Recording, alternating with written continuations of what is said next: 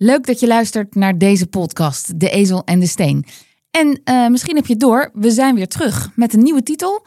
Drie afleveringen staan er nu op je te wachten en vanaf 8 januari zijn we exclusief te beluisteren bij Podimo.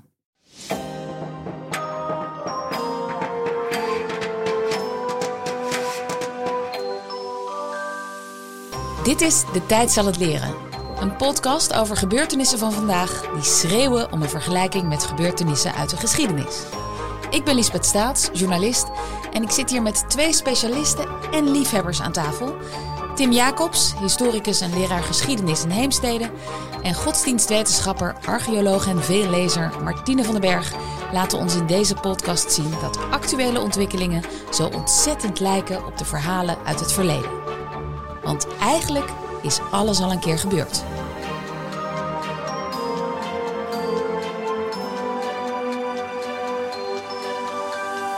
Met vandaag de voedselcrisis, of beter gezegd voedselcrisis.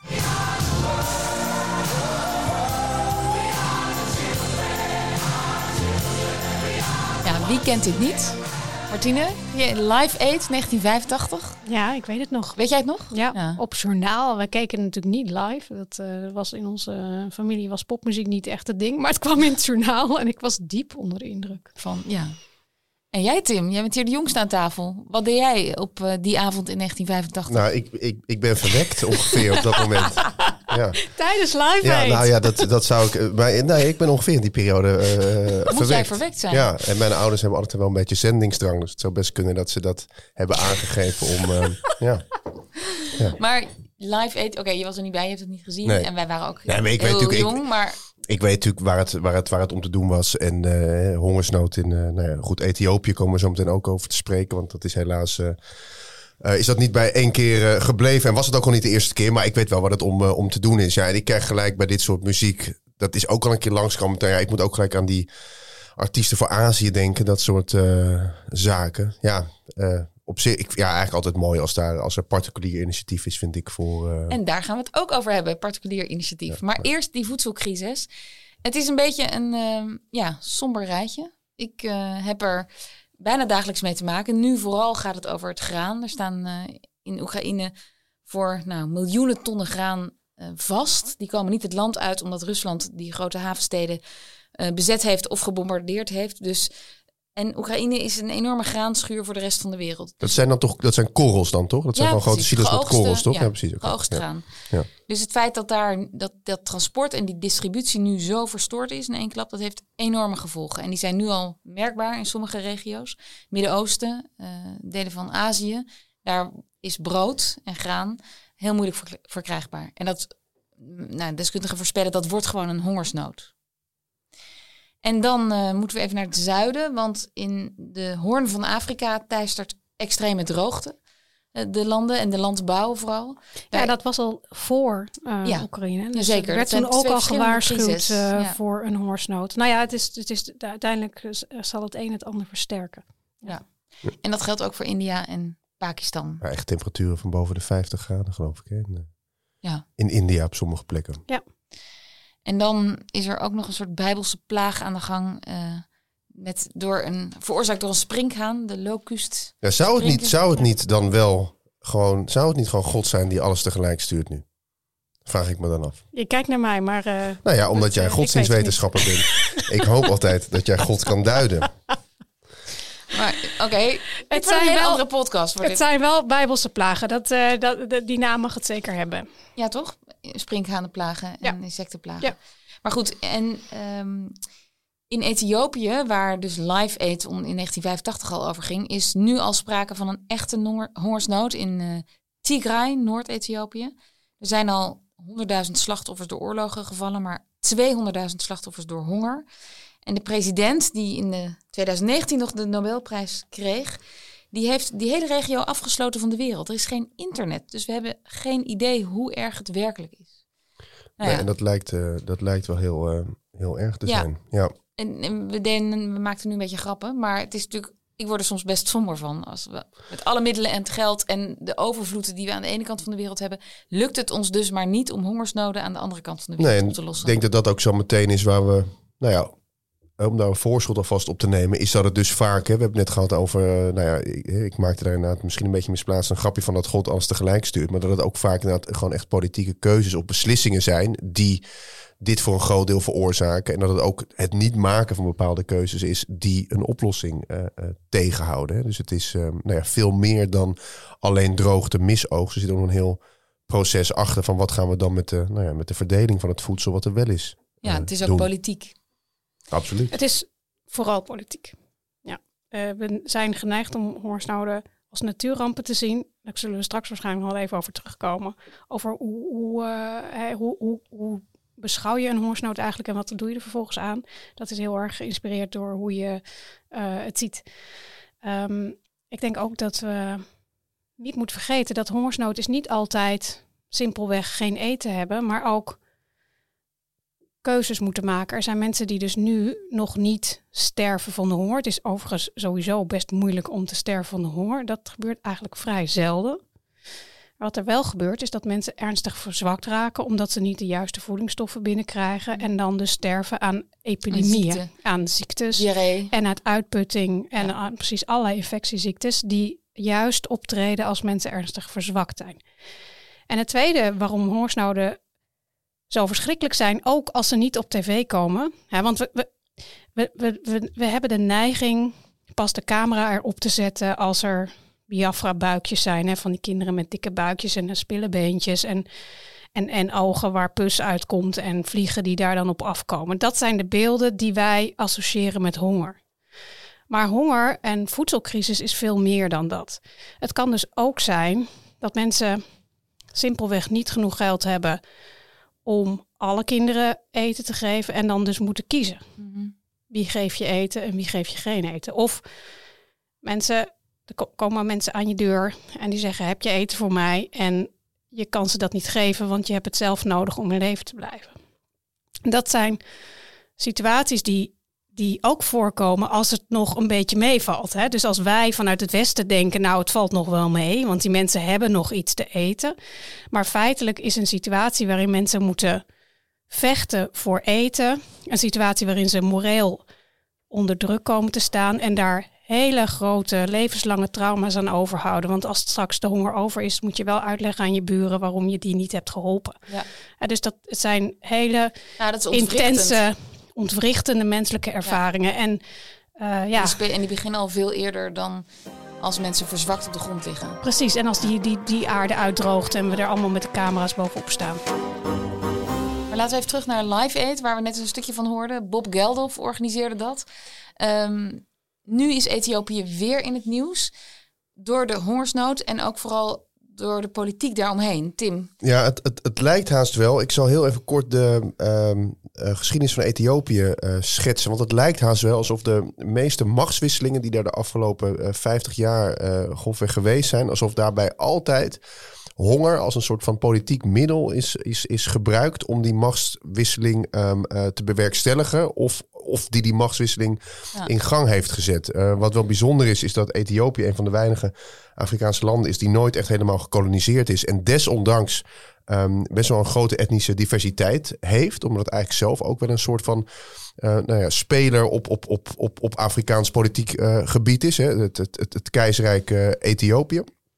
Um, en, um, uh, is het toch ook een lappendeken van zeker. etnische, ja, ja, ja, ja. religieuze groepen? Een beetje zoals Joegoslavië. Ja, waar we maar het, dus eh, niet, en dat, is, dat, is, dat vind ik zo interessant, dus niet hè, het, het bekende eh, eh, kolonialisme verhaal van ja, eh, de Europeanen hebben er bij de conferentie van Afrika allemaal rechte lijnen eh, getrokken, Getrokken, en daardoor is iedereen bij elkaar. Ethiopië is, nou ja, misschien moet ik nog dieper ingaan om dit helemaal te kunnen eh, stellen, maar je zou het misschien een beetje kunnen vergelijken met een veel volkerenstaat, zoals bijvoorbeeld Oostenrijk-Hongarije of nou, Romeinse Rijk of, eh, of Mhm. Ottomaanse Rijk dat vroeger was.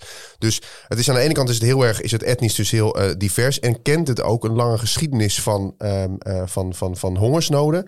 Ehm, en waar ik hem eigenlijk wilde oppakken, en dan komen we daarna bij, bij Bob Geldof, is dat Tot 1974 ongeveer is het een keizerrijk met, uh, met die Haile, Haile Selassie. Die, nou ja, misschien, uh, jullie zeiden net al dat jullie wat ouder zijn dan ik. Dus die zal jullie nog, uh, die zal jullie nog scherp op het netvlies staan, Haile Selassie.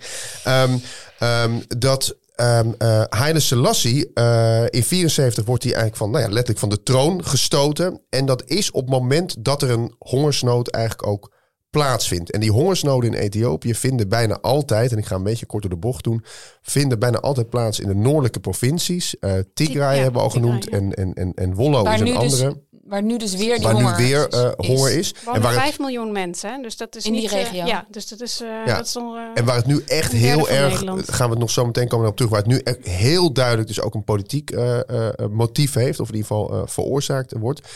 Dat heeft natuurlijk ook te maken met het feit dat het daar altijd speelt. Dat het niet de meest vruchtbare gebieden op aarde zijn. Je hebt in Ethiopië twee regenseizoenen, uh, uh, Ber en Beg en, Me en Meher. Um, in het noorden is het meestal laaggelegen land. Die hebben vaak, als het, als het een beetje tegen zit klimatologisch, hebben die maar één oogseizoen. En dan, als dat mislukt, is daar dan al lokaal een probleem. Nou, wat dan een algemeen Afrikaans probleem is, dus ook in Ethiopië, is dat de landbouw of de agricultuur eigenlijk heel dusdanig slecht ontwikkeld is. Dat toen andere landen onafhankelijk werden, maar ook Ethiopië in de jaren 70, dat die landbouw bijna een soort van socialistisch gebruikt is. Dus de machthebbers wilden de stedelijke elite aan zich binden. Dus het, de, het platteland werd gebruikt als daar gaan we naartoe. Daar halen we voedsel op, daar voeden we de stad mee. En daar zijn ze maar lekker zelfvoorzienend. Wat dus betekent dat de landbouw zich er nauwelijks ontwikkeld heeft. Nee. Omdat boeren nooit een extra zakcentje verdienden. En, en een nieuwe tractor gingen kopen of nieuwe kunst. Heel, heel kort door de bocht. Dus die landbouw is daar heel erg. produceert eigenlijk ook relatief uh, weinig. Uh, weinig. Nou, dus dat maakt het sowieso al kwetsbaar. Dan krijg je, uh, die keizer wordt dus op een gegeven moment, Haile Selassie, die wordt van de troon gestoten door een soort militaire junta, die dat ook weer op socialistisch, marxistisch, leninistisch, nou, de, hele, de hele rattenplan, wat natuurlijk altijd gewoon een excuus is om ergens de baas te spelen, als je daar een mooie ideologie onder kan, uh, kan plakken. Um, die vervolgens uh, in conflict ook, ook komen. Meneer Mengistu heet die, uh, heet die belangrijkste um, uh, uh, leider van die groente, of in ieder geval die die, die, die groente mm. gaat, gaat, gaat leiden. Um, en um, uh, dan breekt er weer een hongersnood uit, jaren 80. En dan gaat hij dus bewust uh, uh, voedsel onttrekken aan bepaalde gebieden waar hij minder steun nodig heeft. Hij gaat op een gegeven moment zelfs mensen deporteren, omdat hij op, op die manier hoopt die hongersnood kleiner te maken. Want die regio's waar weinig geproduceerd wordt, zijn ook relatief slecht bereikbaar. Mensen moeten daar dan van weg worden gedeporteerd naar meer zuidelijke regio's, moeten weer terug. Dus je ziet dat, dat, dat, dat op het moment dat er een hongersnood uitbreekt onder die Mengistu in 84 en 85, nou, dat is het live aid verhaal, dat het dus ook heel vaak het wordt enigszins een beetje onder de pet geschoven naar buiten toe, maar het wordt ook gebruikt om hè, de overheid grijpt niet in, maar gaat kijken hoe kunnen we dit dan wel verdoezelen of hoe kunnen we er uh, zelf uh, ja, onze machtspositie verstevigen of een groep die we willen onderdrukken dus het is echt een nog kleiner maken. Instrument Ja, absoluut. In absoluut. Ethiopië, ja. Ethiopië altijd geweest. Ja, ja. En niet Maar- alleen in Ethiopië, maar ehm, wat ik ook, ook hoorde was dat ehm, hulporganisaties dus ook feitelijk gingen meedoen aan die deportaties. Hè? Dat is een van de, ja, van de zwarte bladzijden in die tijd. Dat je dus dat zo'n overheid op het moment dat dat verdoezelen niet meer ging, onder andere door Live Aid, gingen ze een andere tactiek volgen. Dat was ofwel eh, die, eh die Mhm. konvooien met voedsel eh, stelen en doorverkopen, et cetera. Ofwel de hulporganisaties zeggen, ja, die mensen moeten ergens anders heen, want nou, allemaal mooie verhalen, et cetera. Maar feitelijk hielpen ze dus mee met deportatie van mensen uit een regio die die dictator zag als problematisch. Ja, dus, dus zonder dat ze het wisten, werkten ze mee aan het in het zadel zetten van de nog, het nog steviger houden, ja, ja. eh, in het zadel zitten zetten van de dictator. En wat ik, wat ik net vergat te zeggen, wat ook misschien niet helemaal duidelijk was, is dat in die hongersnood van 84, 85, de, vanuit Tigray weer door de uh, uh, Tigray People Liberation Front, nou, elke zichzelf respecterende onafhankelijkheidspartij heet Liberation, Liberations Front ja. met iets ervoor. Ehm, dat was dus die groep die al kritiek had op die, op die, of in ieder geval die, die rebelleerde tegen deze Mengistu, waarbij hij dus heel duidelijk ook in die regio dus weer die hongersnood heeft ingezet. En inderdaad wat jij zegt, um, uh, ook alle hulpgoederen die natuurlijk, of niet allemaal, maar veel hulpgoederen worden ook natuurlijk gewoon ingenomen, komen niet op hun plek. Dus het is ook als hulporganisatie natuurlijk heel moeilijk, zeker als je daar met, hè, met, met de boots on the ground bent, Ja. om Ja. te bedenken, wat is goed en waar, Ja. waar werk ik aan mee? Ja. Maar die hongersnood, kijk nu, eh, ja, als, als wij eh, bij de radio iets willen weten over Ethiopië, dan bellen, kunnen we een Afrika-correspondent bellen of iemand maakt haar reportage. Ehm, het nieuws ligt eigenlijk op straat. Als in, in Taiwan nu iemand struikelt, dan kunnen wij over tien minuten dat filmpje hier bekijken. Dat was in de jaren tachtig natuurlijk heel anders. Ja, ja. Dus, dus nieuws over hongersnoden kwam ook later tot ons. Nou, die, Bob Geldof heeft het volgens mij voor het eerst met eigen ogen gezien, omdat hij, ik weet niet precies. Hij ging daar, daar ging daarheen. Ja, waarom maar waarom? Nee, dat, is, Ja. dat, is, dat, is, dat is nog een goede vraag. ja, met een band, toch? Ja, maar waarom die daarheen ging met die band, dat... eh, Ja, geen idee. Ik weet niet hoe de popcultuur in de Ja. jaren tachtig in eh, Ethiopië was.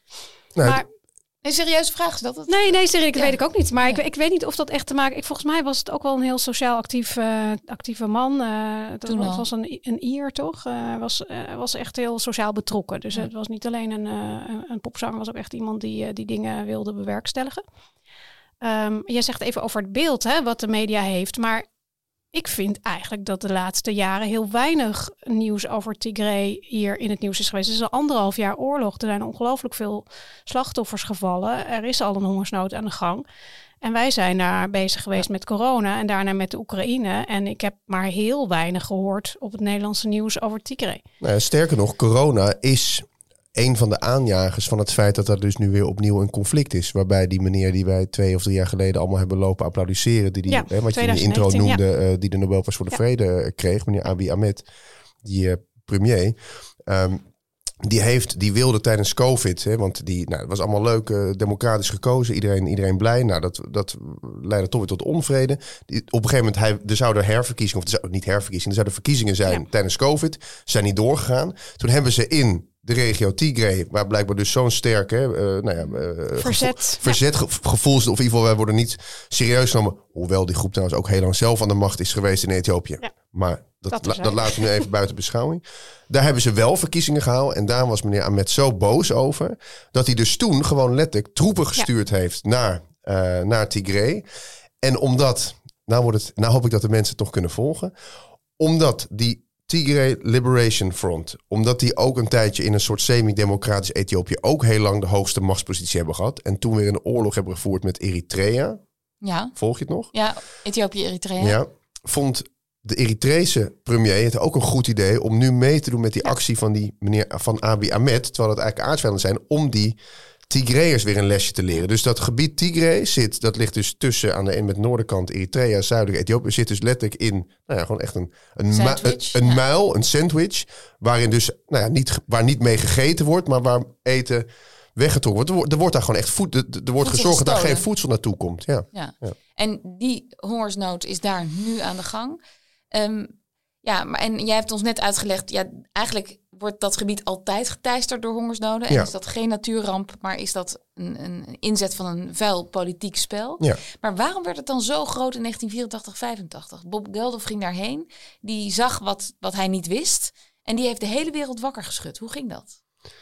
Nou ja, ik- door wat, wat, wat, wat Martina ook zei, wij zijn er gewoon ontzettend gevoelig volgens mij voor, ehm, wat, wat een beetje met, met weinig respect gezegd, maar voor, voor, voor kinderen met hongerbuikjes. Dat is, dat is natuurlijk ook het, het, het verdienmodel. Is- zo bedoel ik het niet, want ik vind over het algemeen dat eh, eh, NGO's of goede doelen goed werk verrichten. Maar dat is natuurlijk ergens ook een verdienmodel van NGO's. Hè. Eh, Als ik voetbal zit te kijken, dan komt er reclame tussendoor van UNICEF of van Oxfam Novib. Dan is dat natuurlijk, dan, dan begint dat altijd met dat ze een beetje op mijn gevoel willen inspelen. Van oh, wat erg. En dat is blijkbaar toen zo goed en zo. Nou ja, omdat het natuurlijk popsterren zijn, heeft het zo'n groot publiek bereikt. Hè. We, we zagen, er hebben 1,2 miljard mensen hebben het op een manier meegekregen of gezien.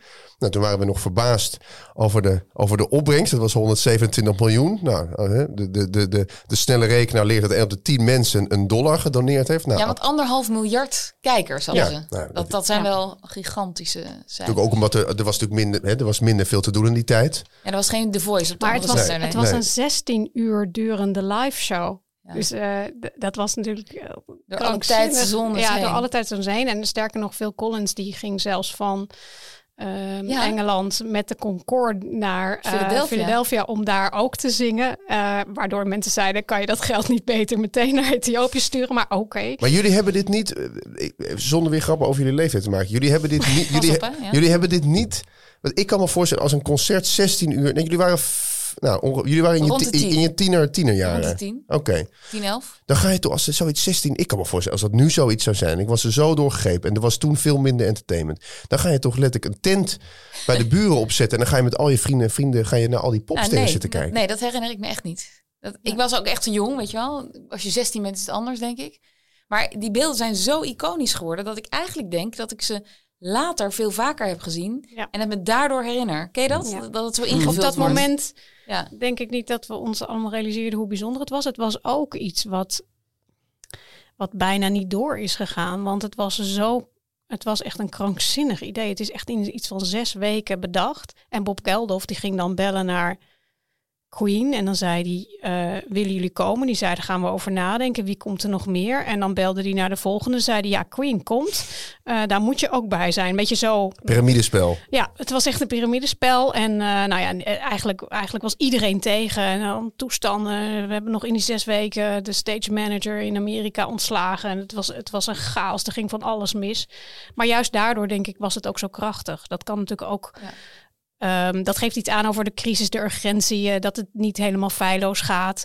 Ja. De BBC bijvoorbeeld geloofde er niet in, maar op het laatste moment kwamen ze met, eh, met, met 20 trucks en hebben ze dat allemaal dingen gedaan die ze nooit eerder hadden voor elkaar gekregen. En Nou, en Ehm, toen stond hongersnood op de agenda. ja, en, en, en Bob Geldof heeft dus in de weken of in de maanden daarvoor, want hij had eerst ehm Band Aid, geloof ik. Dat was, was een eh, soort, soort, soort organisatie om de Ethiopische mensen te helpen. Die had bij eh, Thatcher gevraagd om steun. En Thatcher die had, die had uiteraard gezegd van nee, dat, eh, daar, gaan we, daar doen we niks mee. Dus in die tijd waren liberale overheden aan de macht die geen enkele noodzaak zagen om daar ofwel in te grijpen ofwel hulpgoederen naar te sturen. Dus zij, zij eh, hè, zoek het zelf maar uit. Dat ging hij vervolgens ook doen. Dat werd een groot succes. Maar daardoor werd ook heel duidelijk, ja. Dat, want jij zei net van, ik vind dat zo mooi als particuliere initiatieven zo, hè, zoveel, Mhm. zoveel opleveren. Maar feitelijk was het ook op dat moment duidelijk dat particulieren hier deden wat eigenlijk overheden hadden moeten doen. En die deden dat niet. Dus die stonden ook wel een beetje te kijk. Ja. Eh, en uiteindelijk kwam dus eh, Diana kwam en eh, weet je wel, die, die, die sanctioneerde dit. Maar er was natuurlijk ook het gevoel van waarom, waarom moeten eigenlijk particulieren En dit oplossen? Live Aid dan ook geholpen bij die switch, zeg maar. Absoluut. Zo van, Ja. nee, dit is wel een taak van de overheid. Dit moeten we niet aan popsterren overlaten. ja, oké. Ja, en, en ehm, nou ja, daar, bij die switch kwamen ook andere dingen kijken. Ook het besef ehm, dat, dat je dus eerder moet ingrijpen. Ook het besef, wat eh, Tim aan het begin al zei, dat het politiek is. Ja. Dus En dat overheden zijn politiek, dus die moeten daar iets mee.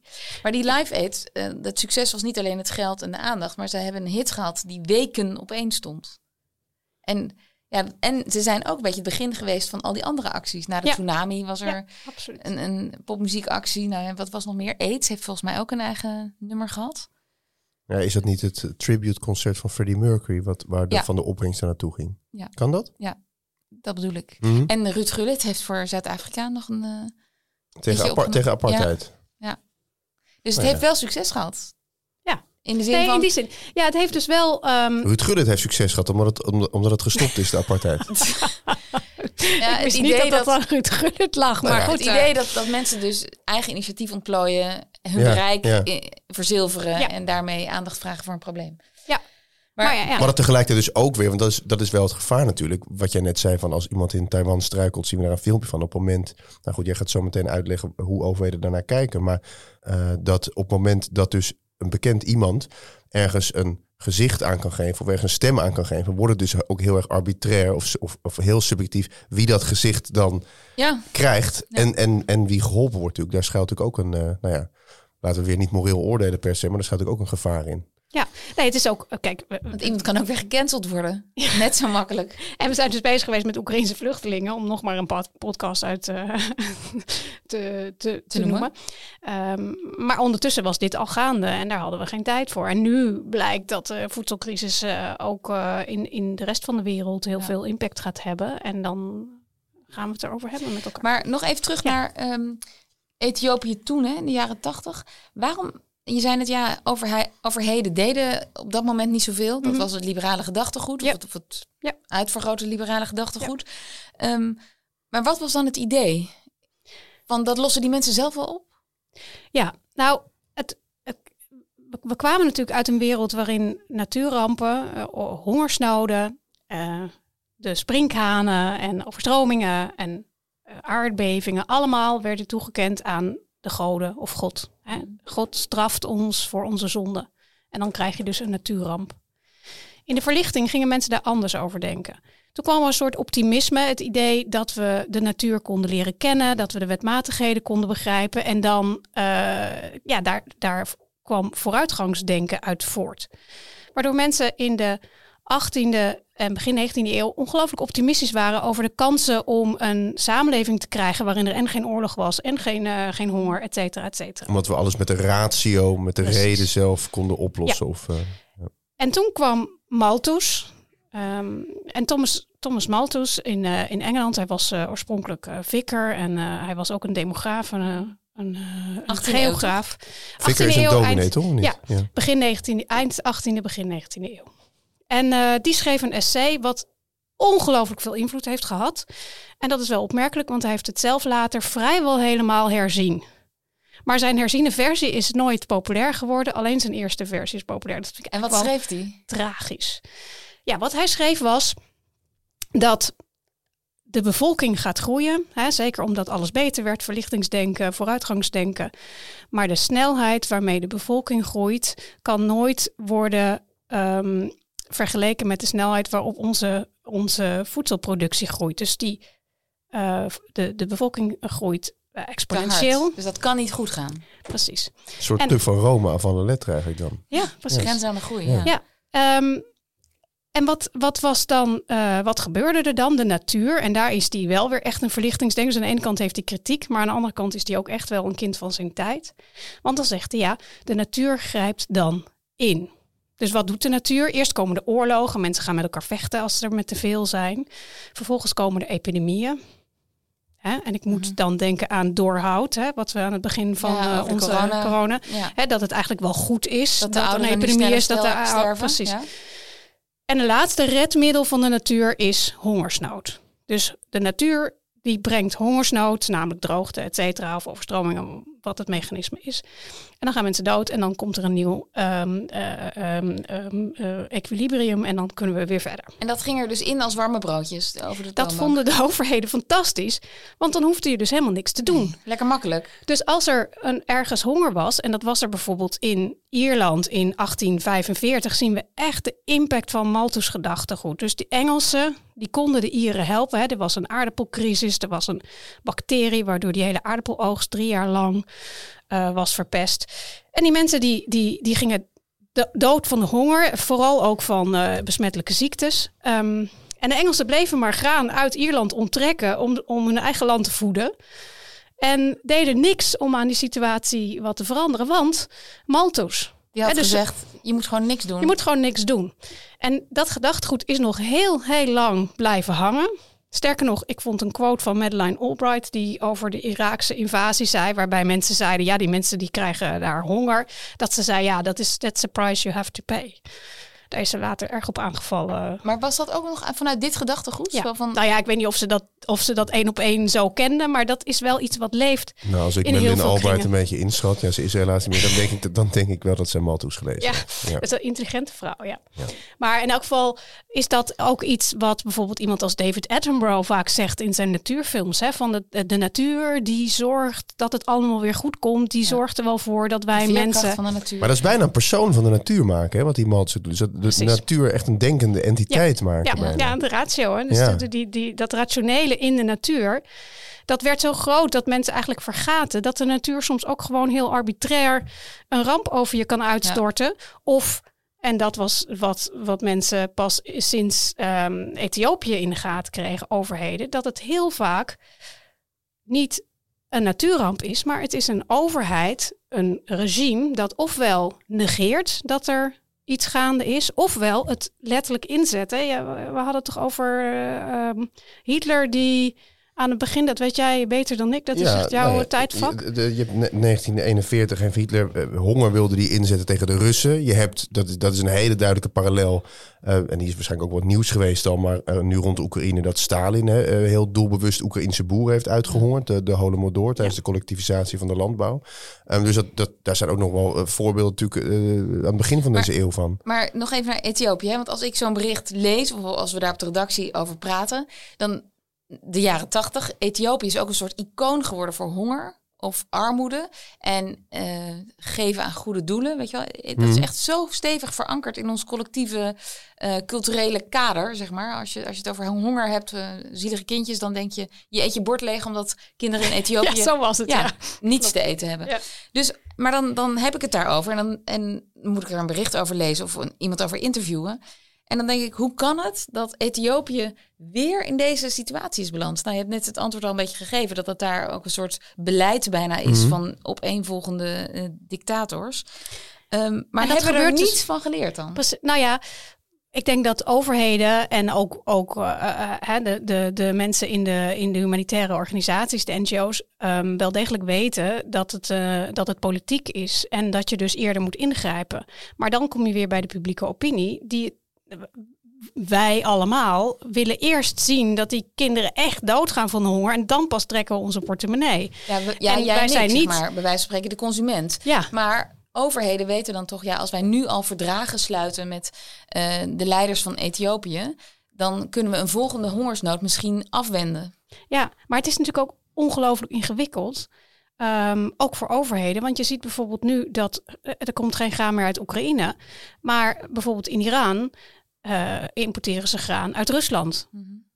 Eén, omdat het ook uit Rusland veel graan komt. Maar twee, omdat ze het misschien ook wel uit Oekraïne hebben gestolen. Hè? Die Ja. verhalen gaan ook rond. En hoe lang zal het duren voordat Libanon dat gaat doen?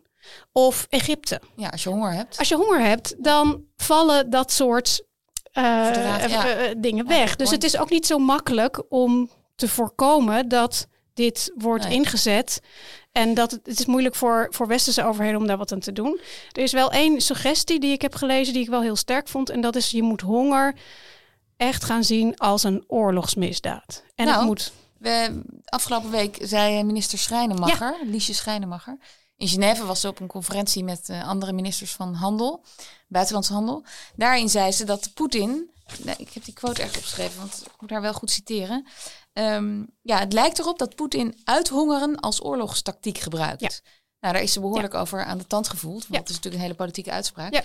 Maar goed, het graan niet door laten gaan is, en letterlijk Precies. blokkeren is Precies. gewoon een, een, een actie in een oorlog. En het staat inmiddels al wel in een aantal verdragen, maar er is nog nooit een leider of een middenkader van een regime naar Den Haag of een ander strafhof geroepen om zich te verantwoorden hiervoor. Maar er zijn dus mensen die hier heel erg voor pleiten. En ik denk ook dat dat een, een goede is. Want je, hebt, je, je kunt vervolgen bedoel je? ja, het mensen echt letterlijk vervolgen om het ofwel bewust inzetten van, eh, van voedselschaarste, ofwel wegkijken.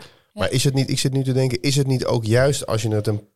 Het is politiek, daar zijn we het nu over eens. Maakt het het niet ook minder moeilijk, of maakt het niet ook moeilijker om er dan aan te geven? Want wa- waar we het over hadden in Ja. onze podcast over vluchtelingen, was dat hè, mensen dan Oekraïners willen helpen, omdat heel duidelijk een good guy en een bad guy is. Ja. Terwijl ik ook, als ik nu eventjes heel verkeerd ga denken, als er in Ethiopië eh, eh, een, een soort van eh, ehm, eh, eh, ultimate storm is van overstromingen, tegelijkertijd met droogte, tegelijkertijd met een sprinkhanenplaag, dan denk ik, jeetje, wat hebben die mensen een ongeluk zeg. Die mensen ga ik helpen. Terwijl ik hè, ook zou kunnen denken, ja, die mensen hebben hongersnood, want hun leider is verkeerd. Maar ja, ze zullen er ergens wel ook een beetje zelf voor gezorgd hebben dat ze zo'n leider hebben. Hè? Even heel, nee, eh, Ja. maar Ja. dat, dat, dat, dat, dat vind ik niet per se. Maar ik vind dat het, Nee, maar dat kan ik kan me voorstellen dat ik Precies. sneller, dat mensen Klopt. sneller geneigd zijn om iets te geven. Als je denkt van, ja, dit is wel heel veel, heel veel pech. Dan als je, ja, maar jullie hebben ook gewoon een hele Ja. stomme leider gekozen. Nou, ja, dat, En daarom zijn die NGO's altijd heel erg voorzichtig met zich mengen in een conflict. Want voordat je het weet ben je politiek bezig. Waarschijnlijk al zonder dat ze het weten. Maar in ieder geval dan krijg je niet meer de donaties die je nodig Ja. hebt.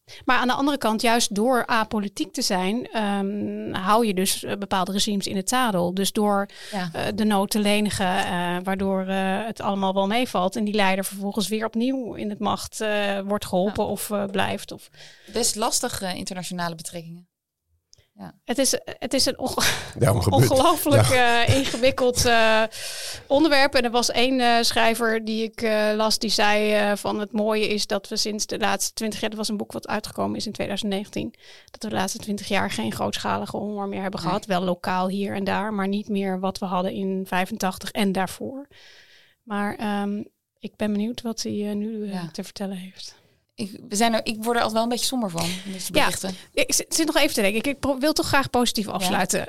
Ja, eh, een, van, eh, eh, een van de dingen die je kan doen als NGO, denk ik, is om wat meer lokaal aan te sluiten bij partijen ehm, die de situatie lokaal heel goed kennen. Waardoor je minder kans loopt dat die Ja. hulpgoederen in verkeerde handen vallen. En wat ik ook heb begrepen is dat er veel meer cash wordt uitgedeeld. Dat is namelijk een veel effectievere manier om mensen te helpen. Waar ik dan- cash. Ja, ja. ja. gewoon geld. In plaats van eh, eh, grote vrachtwagens. Waarom, is, waarom is cash eh, nuttiger? Ja, omdat mensen daar dan zelf, zelf je geeft mensen ook het, het, ehm, het eh, recht om zelf dat te gaan uitgeven daar waar zij dat nodig hebben. In plaats van dat jij dan van bovenaf gaat bepalen, we gaan ja, nu we dit gaan, of jullie dat krijgen brengen. voedsel en je krijgt mensen worden er inventiever van of, of, of, of Ja. vindingrijker. En, Ja. ehm, nou ja, en, Ja. En, en wat daar ook En het is moeilijker te stelen als je dat eh, goed doet. Ja. Ja, en, en, en, en wat natuurlijk ook waar we mee begonnen is dat natuurlijk ook wel in die, in, nou ja, in ieder geval Ethiopië, dat ook wel de landbouw daar nog wel verder ontwikkeld kan worden. Nou zitten we natuurlijk nu Ja. in Nederland in een situatie dat we eigenlijk de landbouw misschien wel vanuit de stikstofproblematiek weer Ook een anders ander moeten onderwerp. ontwikkelen. Ook een ander onderwerp. ja. Tim, speelt dit in de klas? Hongersnood? Nou, ik zou heel graag, dat meen ik echt, ik zou heel graag willen zeggen dat er eh, allemaal alweer mensen aan het, eh, aan het fietsen zijn naar Antwerpen om, eh, om geld op te halen. Maar heel eerlijk gezegd niet. En ik probeer het wel, maar ik vind het zelf ook heel moeilijk. Want ik, ja, Ja. het is toch gewoon, hè, waar we net hadden, we zien bijna niks uit, uit Ethiopië nu. En nou ja, de prijs van ons brood gaat een dubbeltje Ja. omhoog. Eh, mijn biertje is 20, 30 cent duurder geworden. En er Nou, moet weer een concert komen. ja, Weer een eh, ja, wie, ja, ga- Rihanna, wie gaat dit doen? Beyoncé. Nou, dat, jullie nou kijken ja. naar mij, maar ik, ik, ik Ja, denk nou, niet dat Nou, maar ik... zou eh, het helpen? Een groot popconcert opnieuw. ik, denk, ik denk dat het nog steeds heel Ja. veel mensen aanspreekt, dus het zal zeker helpen. Nou, en er is ook gewoon, er is ook, er is ook gewoon heel veel leed. Hè. Het is ook, tenminste, tenminste Ja. als je leed wil, kan je het natuurlijk overal vinden. Je zit met een boek voor je neus, Martine. Ja, ik heb, net, ik heb net even snel boek gewisseld. Ik weet niet of jullie het zagen, maar ik had iets anders in mijn hoofd. Maar ik ga nu even, omdat het, omdat het ook gaat over landbouw, dacht ik, hé, dat is eigenlijk wel een mooie, een mooie link. Eh, ik heb Marike Heidman gelezen, Wormaan. Eh, die dame heeft eh, de Librisprijs gewonnen. een paar weken terug. Ehm, en ik had nog nooit van haar gehoord. Het is haar tweede Nee, roman. bijna niemand. Ja. Het is echt prachtig. Dus ik ben het helemaal eens met de jury. Chapeau, eindelijk een boek, een Nederlandse literatuur die eh, anders is dan de standaard, kennen. wat we kennen. Lees Het gaat, niet, het gaat niet over iemand die is opgegroeid in een gereformeerd gezin. Of ga ik nu al heel ver eh, terug met Precies, ah, daar gaat het gelukkig niet over. Lees nog één keer haar naam goed voor. Mariken Mariken Heidsman. Heidsman, eh, met een korte ei. En eh, het gaat feitelijk over de landbouwrevolutie, over hoe jager-verzamelaars eh, ehm, landbouwers werden. Maar het gaat ook over haarzelf, dat integreert, of haarzelf, dat weet ik niet. Maar het gaat over een persoon in, in het nu. En dat integreert ze heel mooi. Ehm, historisch gezien dacht ik, hier en daar valt er nog wel wat op af te dingen. Maar dat zijn echt zeikpuntjes die... Dit is literatuur. Precies, dit is literatuur en het is prachtig geworden. Echt zoveel mooie woorden. Woorden over zaden, over ontkiemen, over de aarde. Eh, ik heb er echt erg van genoten en ik raad het iedereen aan om te lezen. Dat is een hele warme aanbeveling. Dit was De Tijd zal het leren. Abonneer je op onze podcast om nooit een aflevering te missen. En laat een review achter, want dan lezen we wat je vindt. En misschien heb je ook een suggestie voor ons. Een nieuw onderwerp wij, eh, waarover wij ons kunnen buigen en historische parallellen op los kunnen laten. Je kunt ook mailen, de tijd zal het leren, Maar dat staat ook allemaal in de show notes.